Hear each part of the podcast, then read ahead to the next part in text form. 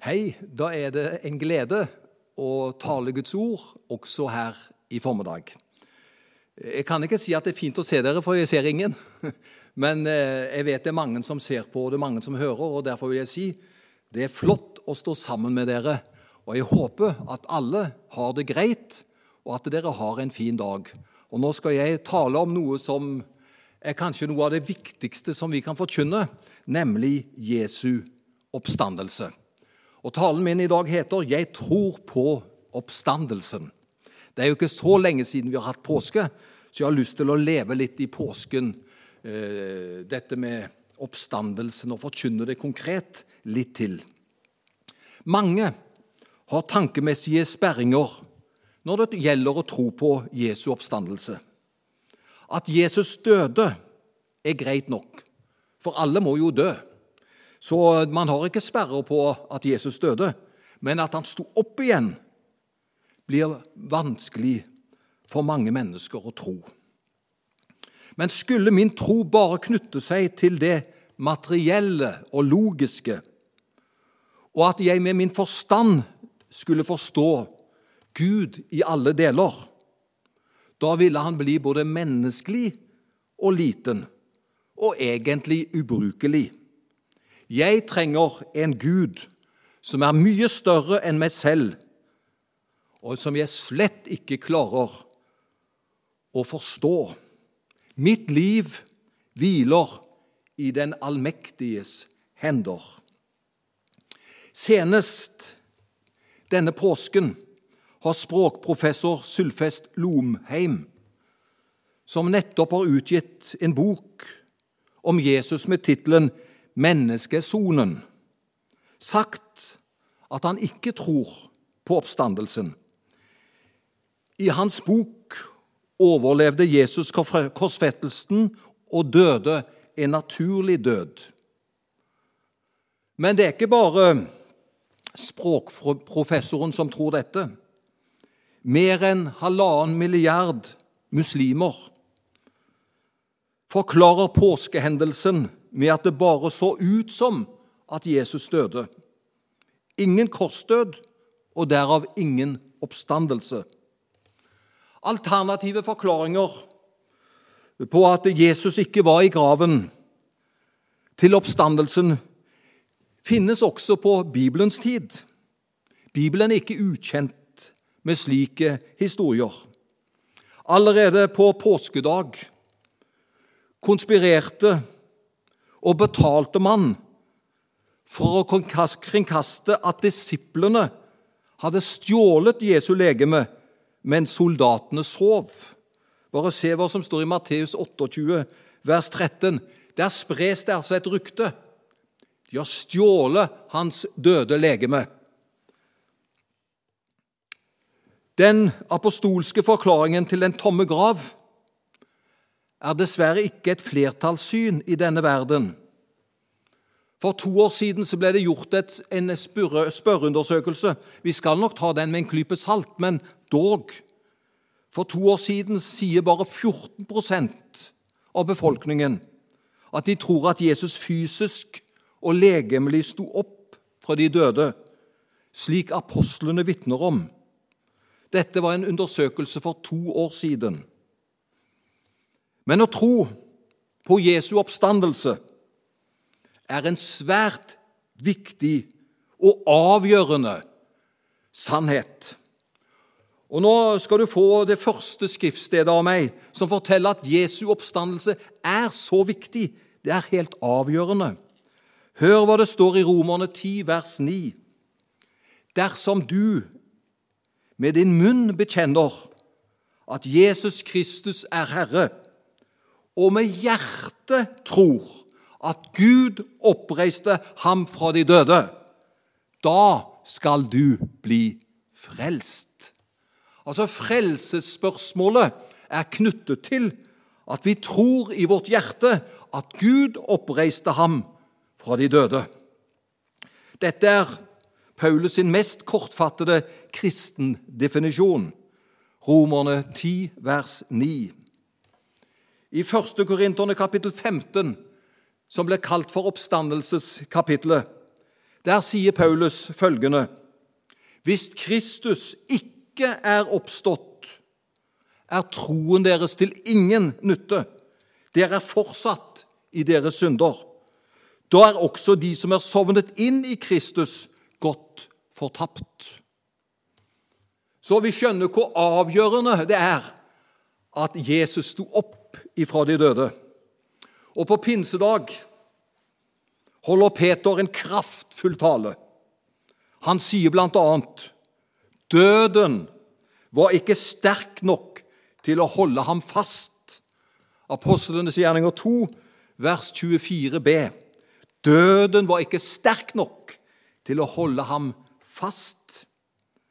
Aldri hadde døden møtt noe lignende. Døden måtte gi tapt. Ja, mer enn det. Døden døde. Jesus brøt dødens lenker. Han er, halleluja, oppstandelsen og livet. Og før sin død kunne Jesus si til Martha og Maria ved Lasarus' grav Jeg er oppstandelsen og livet. Den som tror på meg, skal leve selv om han dør. Og i Matteus 16, vers 21, altså god tid før selve påsken, i Matteus 16, 21 står det fra den tid begynte Jesus å forklare for disiplene sine at han måtte dra til Jerusalem og lide mye av de eldste, øverste prestene og de skriftlærde, og at han skulle bli slått i hjel og bli oppreist på den tredje dagen. Jesus visste hva som skulle skje. Ingen kunne ta hans liv. Han gav det frivillig og hadde makt til å ta livet tilbake. Jesus han var jo en mesterpedagog. Han brukte gode bilder og lignelser da han talte. Og Noen ganger så demonstrerte han sin tjeneste med kraftfulle handlinger. Han er jo Gud.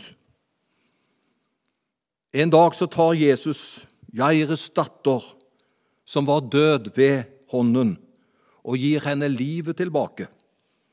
Eller Lasarus, som hadde ligget i graven i fire dager, ble kalt tilbake til livet av Han som er oppstandelsen og livet.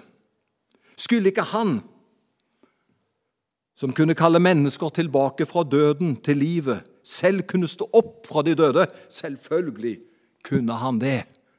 Og det var det han gjorde på første påskedag.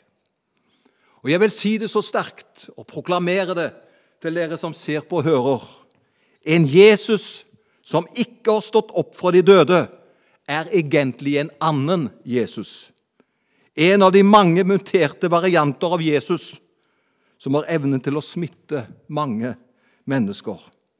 Men den Jesus som vi tror på, han er ikke i graven.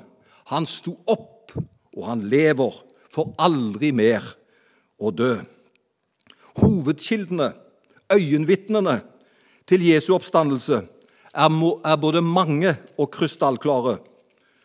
Noen tilsynelatende uoverensstemmelser i noen detaljer bidrar bare til å bekrefte ektheten av kildene.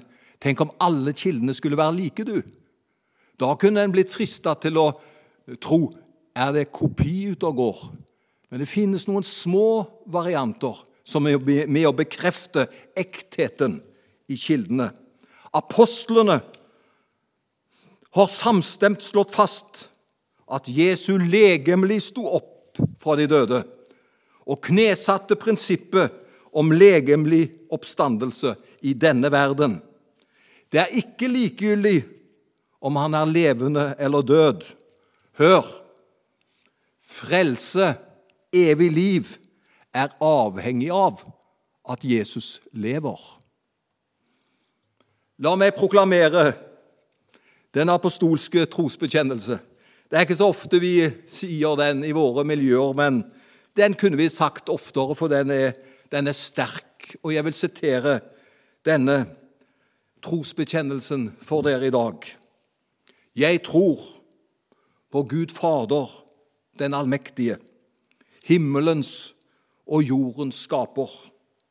Jeg tror på Jesus Kristus, Guds enbårne sønn, vår Herre, som ble unnfanget ved Den hellige ånd, født av jomfru Maria, pint under Pontius Pilatus, korsfestet, død og begravet, for ned til dødsriket, og hør, sto opp fra de døde tredje dag, for opp til himmelen, sitter ved Guds, den allmektige Faders høyre hånd, skal derfra komme igjen for å dømme levende og døde. Jeg tror på Den hellige ånd, en hellig allmenn kirke, de hellige samfunn, syndenes forlatelse, legemets oppstandelse. Og det evige liv. Jesus' soningsdød ute på korset. Er ikke lett å selge. Og Bibelen sier, og vi må ha det klart for oss Bibelen sier Kristus korsfestet er for grekerne en dårskap og for jøder et anstøt. Det er dårskap å tro på noe slik, men for oss som ble frelst, er det Guds kraft. Jeg er glad jeg kan si 'jeg tror'. Og vet du hva? Jeg har opplevd dette i mitt eget liv. Frelsen har forandret meg. Det har gitt meg perspektiv. Det har gitt meg lyst til å leve. Det er en mening i livet, selv om livet kan være utfordrende. Det har jeg talt om her før. Livet kan være utfordrende. Det er skjulte ting, vanskelige ting som kan skje. Men Herren, han er med oss. Og så har vi alltid det beste i vente. Hvorfor? søker dere efter den levende blant de døde. Han er ikke her. Han er oppstått. Husk hvordan han talte til dere fra han var i Galilea, da han sa:" Menneskesønnen skal bli overgitt i syndige menneskers hender og bli korsfestet, og på den tredje dag skal han stå opp igjen. Og de husket hans ord. Jeg skal begynne å konkludere. Øyenvitnene trodde på oppstandelsen. Jesu nærmeste trodde på den. Disiplene, Paulus og mange efter dem, de risikerte livet fordi de forkynte budskapet om Jesu oppstandelse. De hadde muligheten til å sjekke kilder og finne ut om det stemte. Det var bevis nok for dem. Er det bevis nok for oss? Kjære venner, jeg tror på oppstandelsen, og nå lever den oppstandende i meg. Han lever i deg.